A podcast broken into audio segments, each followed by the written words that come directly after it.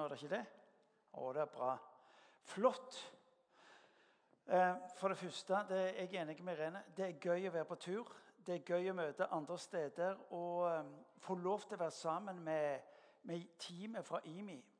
Så det er et ønske vi har nå i tida som ligger foran oss. det er at eh, Fordi vi har mange henvendelser om å komme til andre steder, så vil vi gjerne ha med flere. Og Det betyr at vi informerer om det på, på tavla. Og hvis du tenker ja, der vil jeg være med, så melder du deg bare på. Vi var altså ti stykker, elleve stykker eh, til Grimstad. og... eh, Altså Om de husker så mye fra Martin, vet jeg ikke. Men de som var med på teamet, de gjorde inntrykk. Så sånn sett så kan du si det er en sånn en backup for eh, han som uh, visstnok er taler der nede. Eh, men ikke minst det å få lov til å være sammen med folk fra huset over ei helg betyr utrolig mye. Så eh, hvis du ser at dette kan være noe for deg, er du hjertelig velkommen.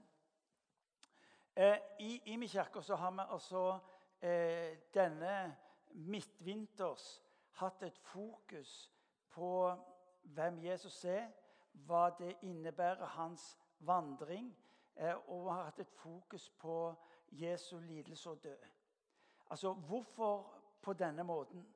Hva var det ved oss som kvalifiserte, eller som krevde, en slik en reaksjon? Og Det vi har forsøkt å si noe om, det er at Jesu lidelse og død har noe med mysteriet å gjøre.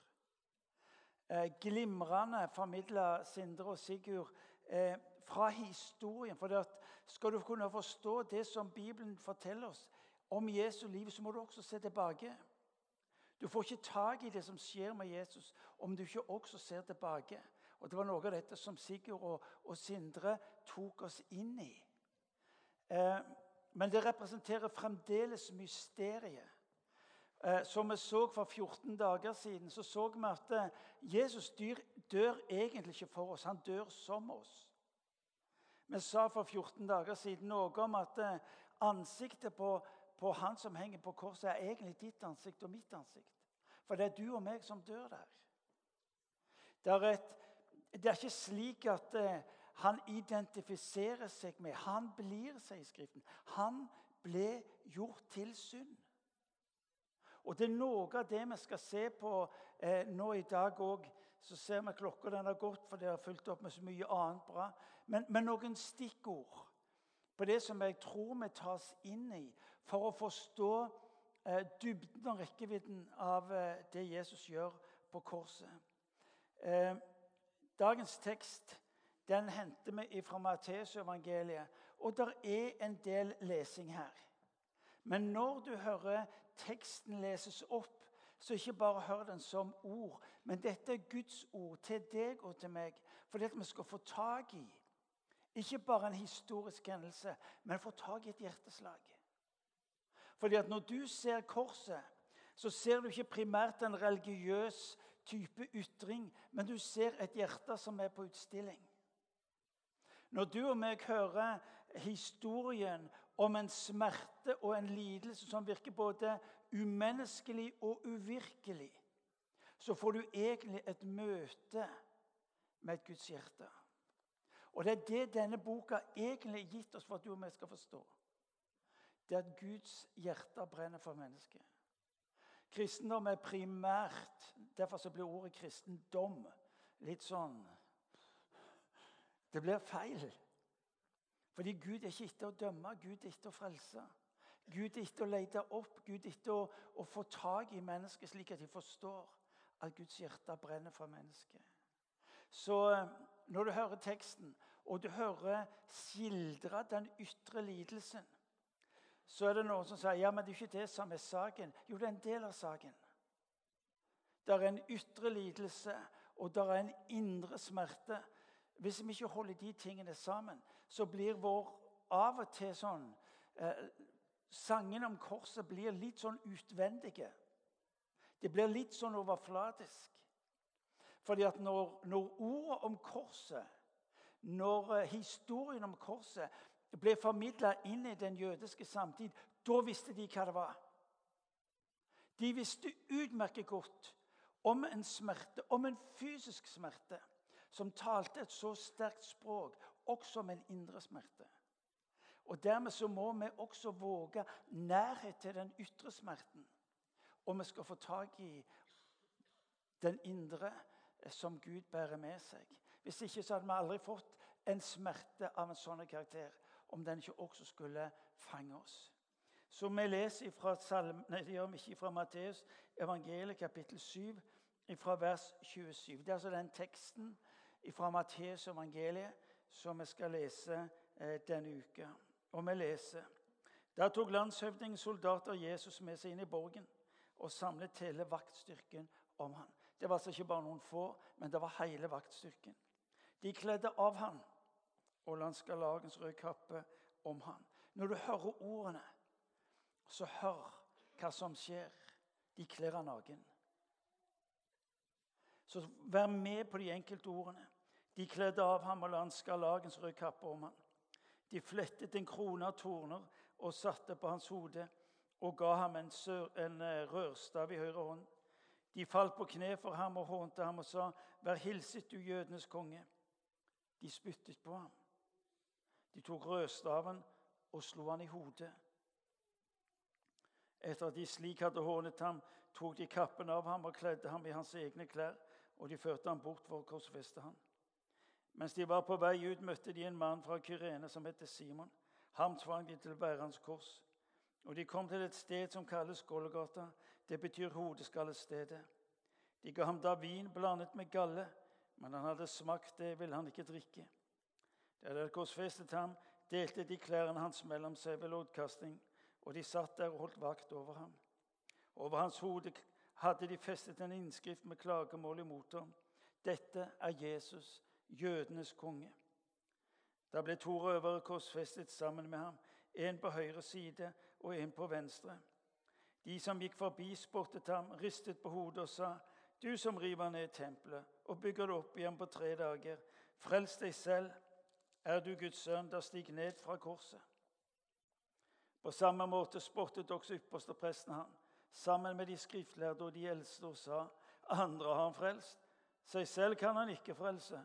Han er Israels konge. La han som stiger ned fra korset, så skal vi tro på han. Han har satt sin lit til Gud. La nå Gud fri ham om han har behag i ham. Han sa jo, 'Jeg er Guds sønn'. Også røverne som var korsfestet sammen med ham, hånte ham på samme måte. Men fra den sjette time falt det et mørke over hele landet, like til den niende time. Og ved den niende time ropte Jesus med høy røst, 'Eli, Eli, lama sabachthani'. Det betyr 'Min Gud, min Gud, hvorfor har du forlatt meg?' Da noen av dem som sto der, hørte det, sa de, 'Han roper på Elias.' Og straks løp en av dem til, tok en svamp og fylte den med vineddik. Han satte den på en rørstav og tilbød ham å drikke. Men de andre sa, 'Vent, la oss se om Elias kommer for å frelse ham.' Men Jesus ropte igjen med høy røst og oppga ånden. Og se, forhenget i tempelet revnet i to ovenfra og ned, og jorden skalv og klippene revnet. Gravene åpnet seg, og mange av de dødes helliges legemer sto opp. Etter Jesu oppstandelse gikk de ut av gravene og kom inn i den hellige stad og viste seg for mange.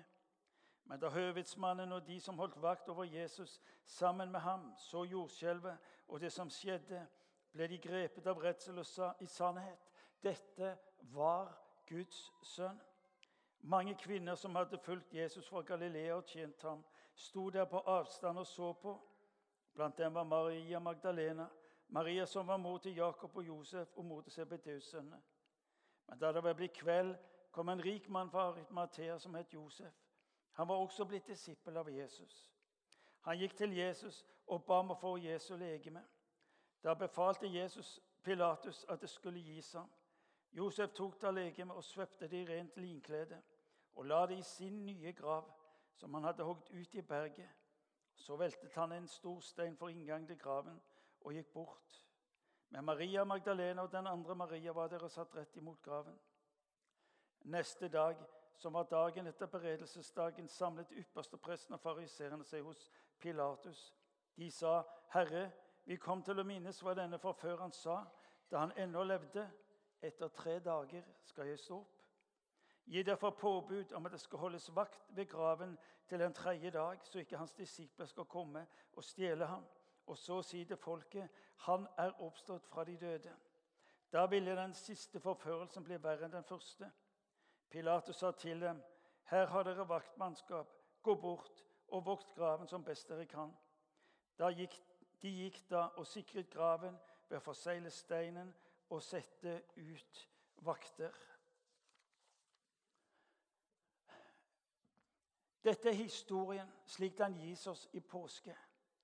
Men allerede tidlig i Jesu tjeneste og liv setter han navn på hva som skal skje. I Johannes evangeliet kapittel 3, vers eh, 14 eh, og vi skal Det er noe med oss, og så skal vi holde dette i sammenheng. I Johannes evangeliet kapittel 3, vers 14 så leser vi om at Jesus får besøk. Han får besøk av Nikodemus, en av de lærde i landet. Og det han får høre, det er en mann som har sett hans gjerninger, stiller spørsmål med ved det han gjør. Og så eh, får han høre fra Jesus, som sier til han i vers 14.: Og like som Moses opphøyet slangen i ørkenen, slik skal menneskesønnen bli opphøyet, for at hver den som tror på ham, skal ha evig liv. For så har Gud elsket verden, at han ga sin sønn den enbårne, for at hver den som tror på ham, ikke skal fortapes, men ha evig liv. For Gud sendte ikke sin sønn til verden for å dømme verden, men for at verden skulle bli frelst for han. Den som tror på ham, blir ikke dømt. Den som ikke tror, er allerede dømt, fordi han ikke har trodd på Guds enbårne sønns navn. Og like som Moses opphøyde slangen i ørkenen, slik skal menneskesønnen bli opphøyet. Jesus forutsier hva som skal skje. Og Her rører vi ved noe av det kanskje mest dynamiske som vi møter i eh, Jesu familie når han ser bakover. Alle jøder kjente historien om kobberslangen. Kobberslangen var det synlige bevis på to ting. Det ene var at folk hadde vendt Gud ryggen i opprør. De klagde, de var misfornøyde. Der Gud hadde tatt dem ut av Egypten, der Gud hadde fortalt dem om det lovede land, var det noe som ikke stemte i livet. Og Så begynte de å klage, og så gikk de til Moses og så sier de til Moses, du, 'Hvorfor tok du oss ut av Egypten?' Vi hadde det jo mye bedre der vi var. Og så blir altså eh, jødene sin vandring mot det frie og lovede land blir plutselig noe de vil vende ryggen til for å vende tilbake til fangenskapet. Mennesket er rart. Mennesket er rart. Og inn i det er det at Gud lar slanger komme, som gjør at eh, Israelsfolket blir slange, og folk begynner å dø. Og så roper de til Gud igjen, og så sier de, 'Gud, berg oss.' Vi beklager, vi mente ikke det vi sa. Og så forteller eh, beretningen fra 4. Mosebok så forteller beretningen fra 4. Mosebok kapittel 21, så står det at Moses får beskjed om å lage en kobberslange. Og Denne kobberslangen den skal henges på en påle midt i leiren. Og alle som ser på pålen, de skal bli helbreda. Hør, folkens. Det er uhyre interessant. De skjønte ikke mye av den slangen som hang på den pålen. Men løftet var at når dere ser på slangen, så skal dere bli helbredet. Lag en kobberslange. Det var det som Moses fikk beskjed om. Men hvorfor kobber? Kobber var på den ene sida et vanlig metall som også jødene brukte. Men kobber er en altså legering av tinn og kobber, som når du smelter det, får en ny form. Det som skjer, det er at denne formen for legering den kan ikke skilles igjen. Du kan ikke smelte det igjen og så skille metallene. En blanding, en legering av tinn og kobber, den er altså permanent. Den kan ikke skilles. Og det var det som skjer når Jesus dør på korset. Det er at eh, Jesus blandes, om du vil, sammen med mennesket. Han blir som menneske. Det er ikke en Gud som dør der isolert ifra. Han er Gud samtidig som han er eh, menneske. Tinn og kobber gjort til ett som en ny form for kobber. Prosessen kan ikke reverseres. Det kan ikke eh, eh, eh skilles. Og så er det dette bildet som kommer til oss. Det er det som Israelsfolket får beskjed om å lage en kobberslange som de ikke skjønner rekkevidden av. Som skal bestå av tinn og kobber. Som bærer med seg et sterkt symbol om at det er noe som ikke lenger noen gang skal kunne skilles.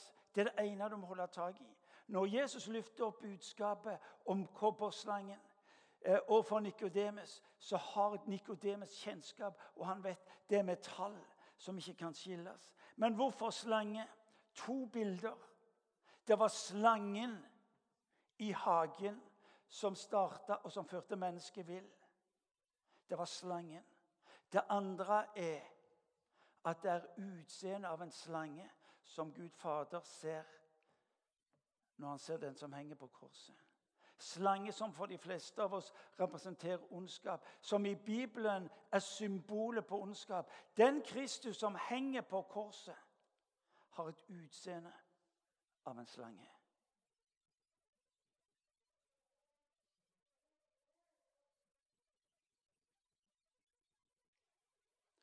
Vi sa det sist gang. Den som henger der, har ikke et vakkert ansikt.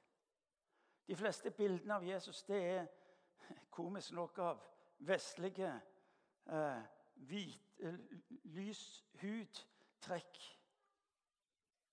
Det står i Jesajas kapittel 53 han hadde et utseende som ikke hadde behag i.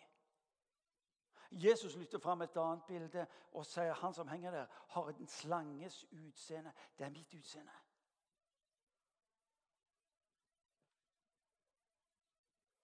Selve inkarnasjonen på ondskapen. Selve inkarnasjonen på synd. Jesus går inn, for det er ingen vei utenom. Hvorfor slange Gud? Jo, fordi det var slik min sønn så ut da dine og mine synder ble lagt på han. Det var et heslig bilde. Det var et utseende på den som hang på det korset som var grufullt. Det var annet enn vakkert.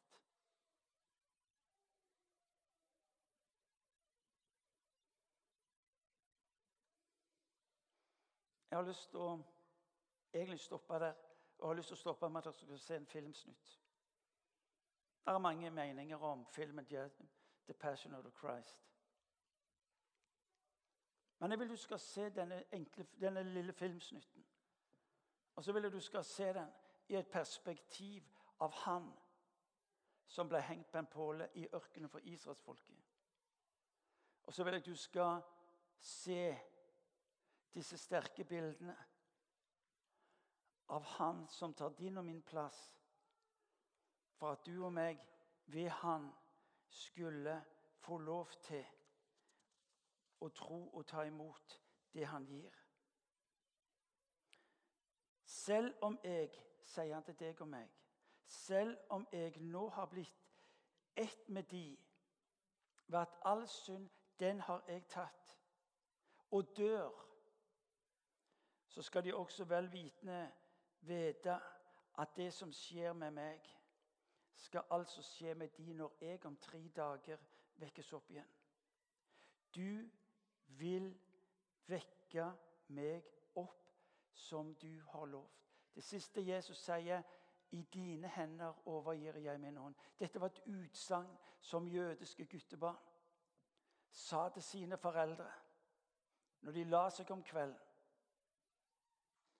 I dine hender overgir jeg min ånd, vel vitende om at neste morgen så skulle de igjen møte faren og gå med faren. Hør. Når Jesus har dette som sine siste ord, så er det som han sier, vel vitende om tre dager så skal jeg igjen møte deg. Vel vitende om at alle de som tror på ham, skal få lov til å si at om tre dager, eller når døden rammer meg, så skal du reise meg opp fra døden, som du som du vil reise de opp fra døden, som du har reist meg opp fra døden. I det øyeblikket Gud reiser Jesus opp fra døden, var det umulig å ikke reise deg og meg opp fra døden. Det er umulig fordi han som kobberslangen, som han, menneske og Gud, som han som, ble, som var Guds sønn, ble menneskesønn for at du og meg som var menneskesønner, skulle få bli Guds sønner og døtre.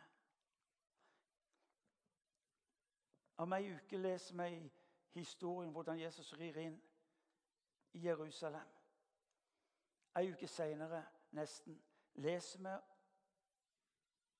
om en hendelse som forandrer verdenshistorien. Den har ei indre side, men den har også ei ytre side. Og Jeg vil dere skal våge å møte noe av den ytre smerten som vi nettopp har lest fra Matteus evangeliet. Og så kommer Matteus på The Passion of the Christ, og så skal vi slutte. Kom igjen, Hanne.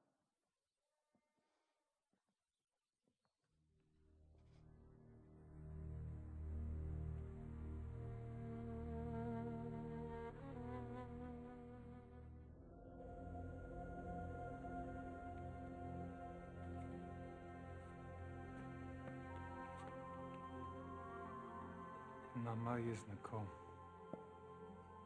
Daudi. Sana ani. Resha. Die vella sigi nin bele. En radafuli. El de fonu kom. Al kik halon.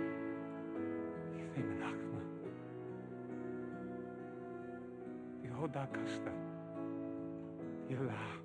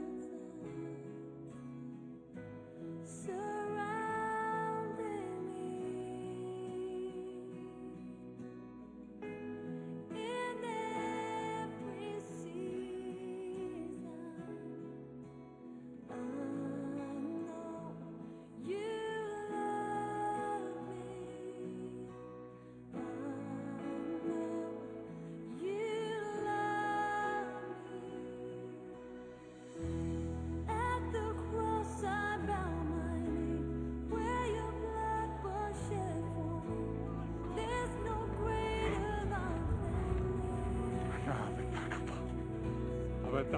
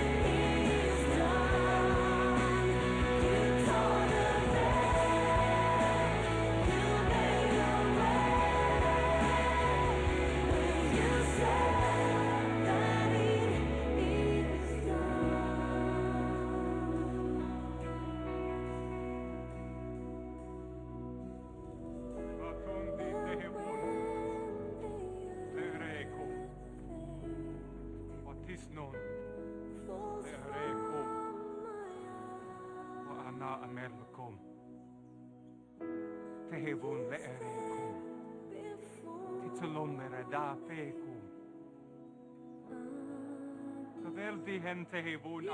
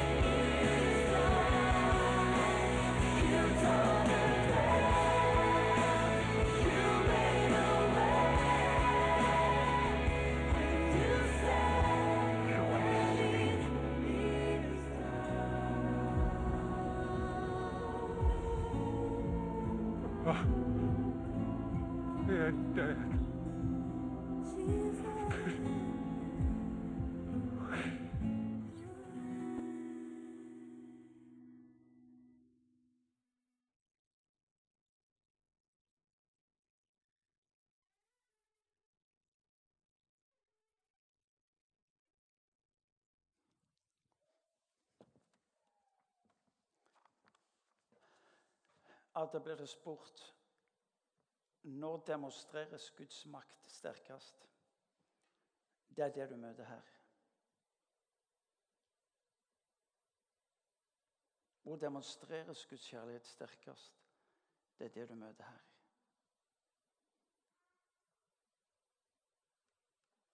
Dette er altså allmaktens Gud.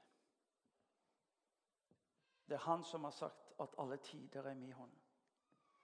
Det er han som en gang talte, og det skjedde, sier salmisten. Det var han som bød, og så, og så sto det der. Det er allmaktens Gud du har et møte med.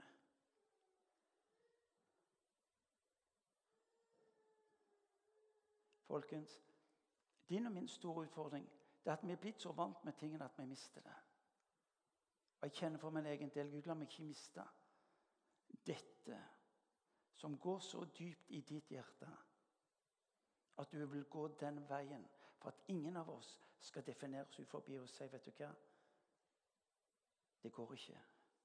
Hver gang du er i tvil, så husk kobberslangen som løftes opp. Husk kobberslangen hvis konsistens av en sånn en ting at det kan ikke skilles. Tinne og kobber kan ikke skilles. Der du er, er han. Der du er, der er han. I de gode dagene og de vanskelige dagene. I de dumme dagene, i de dagene hvor du vet at her skulle jeg ikke ha vært. Og du er Han er der. For se, jeg er med dere alle dager inntil verdens ende. Ikke sånn foran eller bak eller over eller under, men han er med ved at han tar bolig i ditt liv. Hva vil det si å bli en kristen? Det å ta imot det han rekker oss gjennom dette uforståelige. At han demonstrerer sin nåde mot deg og mot meg. La oss reise oss og la oss be.